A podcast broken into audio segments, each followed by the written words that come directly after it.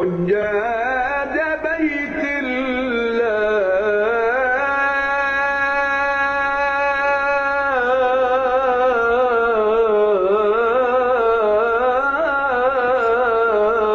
طوفوا وسعدوا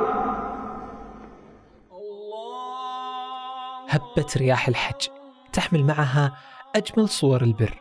تقبل الله من الحجاج حجهم وبرهم. كل عام وأنتم بخير وعيد أضحى مبارك على الجميع يا رب. رجعنا لكم في قطايف موسم الحج وأنا حسين علي. الحج رحلة عظيمة للتفكر في الذات والوجود وتهذيب النفس على السعي والاجتهاد في الحياة اللي خلقنا ربنا فيها لغاية عبادته. وفي هذه الحلقة راح نسير في تاريخ الحج قديما. وهل توقف الحج في أحد السنوات؟ بوسط الصحراء الواسعة وتحت الشمس المحرقة. يمشي الحجاج لأيام وشهور ويمكن لسنوات لو كانوا قادمين من بلدان بعيدة. يمشون على أقدامهم أو على ظهور الجمال والدواب. في قوافل طويلة متماسكين قدام أسوأ الظروف والأحوال. شتاء قارس ورياح عاتية أو حر قائض وعواصف ترابية. وإن سلموا من الأحوال الجوية ما راح يسلمون من العطش وقلة الموية. الصحراء ما كانت لهم وحدهم. فيها من حيوانات مفترسة وقطاع طرق. عشان كذا كان الحاج يودع أهله وأصدقائه الوداع الأخير. وحتى أن بعضهم يكتب وصيته ويوصي على أولاده وأهله. كانوا يقولون الذاهب للحج مفقود والعائد منه مولود. وفي قصة عجيبة قالها واحد من الرواة. أنه كان في حاج كبير بالسن يطوف حول الكعبة سأله أحد الحجاج من أي بلد أنت؟ فرد عليه من البلاد الفلانية وكانت هذه البلاد بعيدة مرة عن مكة تعجب السائل وقال متى غادرت بلدك؟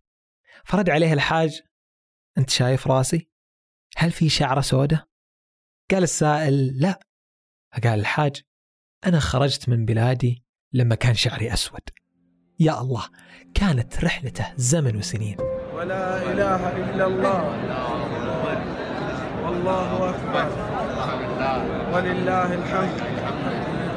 ربنا آتنا في الدنيا حسنة وفي الآخرة حسنة وقنا عذاب النار.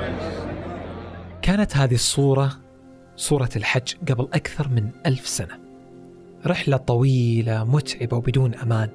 ولأن مكة تضاريسها جبلية ووعرة كان كثير من الحجاج يتيهون فيها. من بين أهل مكة المعروفين بأهل الخير والكرم كانوا يستقبلون الحجاج في بيوتهم ويقدمون لهم الضيافة الكاملة. يسمون من يفتح بيته للحجاج بالمطوفين أو المعلمين. المطوف يمشي مع الحجاج طوال رحلتهم. يدلهم على أماكن الشعائر ويرددون خلفه الأدعية. الحجاج يعني من أيام جدي الله يرحمه وأجدادنا كانوا الحجاج ينزلوا عندنا في البيت. أكلهم وشربهم وغسيلهم وكل شيء عند المطوف. كانوا أول يسموهم شيوخ الجاوة.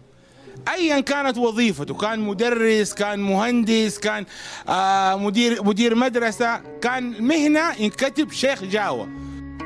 يقول محمد طاهر الكردي بكتابه التاريخ القويم لمكة وبيت الله الكريم إن الخطر على الحجاج ما كان بس في طريقهم الطويل. حتى داخل حدود الحرم تقوم هناك الفتن وقتال بين المسلمين مثل اللي حصل في سنة 1326 هجرية. قامت فتنة كبيرة بين الصفا وباب الوداع وتراموا الطرفين بالرصاص. وبسبب هذه الفتنة قتل ناس من العسكر والمدنيين. حال الأمن في مكة كان منعدم من أيام الدولة العثمانية. كانوا على لسان كثير من المؤرخين يقولون أن السلطات ما كانت تتدخل أبدا وبالعكس كانت توقف وتتفرج على كل الظلم والنهب والسرقة والفتن اللي تصير في بيت الله الحرام. أما في عهد الأمن والأمان وبعد توحيد المملكة العربية السعودية على يد المؤسس الملك عبد العزيز رحمه الله أمن الناس على أرواحهم وأموالهم كانوا ما يلمسون أي شيء يسقط من الحجاج على الطريق حتى يجي الشرطي المسؤول وياخذه ويبحث عن صاحب هذا الغرض. وإذا ما لقوه كانوا ينزلون خبر عن مفقودات بصحيفة أم القرى. عنوان لقطات. وذكر الأديب إبراهيم المازني في كتابه رحلة إلى الحجاز يستدل على استقرار الأمن في عهد الملك عبد العزيز بحادثة حصلت له خلال طريقه من جدة إلى مكة. طاحت منه عصاه وفقدها.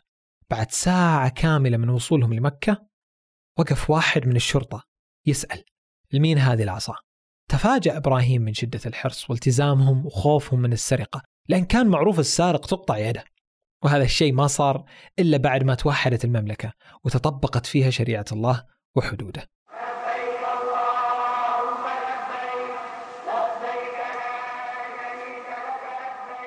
الرحلة الروحانية إلى بيت الله الحرام في موسم الحج بدأت من آلاف السنين من بناء الكعبة على يد سيدنا إبراهيم وابنه إسماعيل. ومرت بتاريخ طويل كانوا الناس سنويا يحجون لبيت الله. لكن مر الحج بظروف صعبة كاد يتوقف تماما. ما كان الجيل الحالي يتصور أن صحن المطاف يكون فاضي إلا يوم جت هذه السنة 1441 هجرية. وأغلق الحرم وتوقفت العمرة بسبب فايروس كورونا.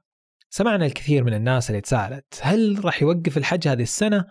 وهذا التساؤل بادر على أذهاننا سؤال هل توقف الحج من قبل؟ بحثنا في تاريخ الحج. ووجدنا أن الحج ما توقف لكن تعثر 40 مرة في تاريخ الإسلام. لأسباب مختلفة خلت فريضة الحج صعبة على المسلمين. وعشان نعرف أكثر قابلنا المؤرخ وسألناه أي الظروف الصعبة اللي مر فيها الحج عبر التاريخ؟ آه، معكم أخوكم منصور آه، مرزوق محمد الدعجاني. باحث دكتوراه في جامعة أم القرى في قسم التاريخ. في أحداث كثيرة يعني مرت على الحج عبر التاريخ وأثرت على الحج. توقف الحج من عدة أقطار إسلامية. أيضا كانت هناك بعض الأوبئة آه، والكوارث التي تمنع الحجاج من وصولهم إلى مكة المكرمة، آه، لكن هذه السنة مع جائحة كورونا آه، كانت هناك إجراءات مشددة. بحكم يعني التطور اللي يشهده العالم في الناحية الصحية والتقنية والأمور الأخرى، فكان من السهل جدا توعية الناس، من السهل جدا يعني إخبار الناس بتوقف مثلا شعيرة الطواف، بتوقف مثلا شعيرة العمرة، آه، بتوقف آه، وصول الحجاج من الخارج لأن الأوبئة آه، كانت تنتشر في السابق من مكة المكرمة تنتشر في العالم كله إذا كان في وباء جاء من الخارج إلى مكة مثلا ينقله بعض الحجاج إلى العالم الآخر وصارت يعني مشاكل دولية يعني في القرن التاسع عشر الدول الأوروبية كانت تحذر من مواسم الحج وأنها تنقل الأمراض وكذا فهذه الإجراءات اللي صارت هذه السنة إجراءات كان لابد منها لحماية شعوب العالم أجمع. أفهم منك إنه كان في أكثر من تعثر سابق في التاريخ وهذا الحدث اللي قاعد يصير مو أول حدث يمر علينا بهذا بهذا الحجم وبهذا الشكل.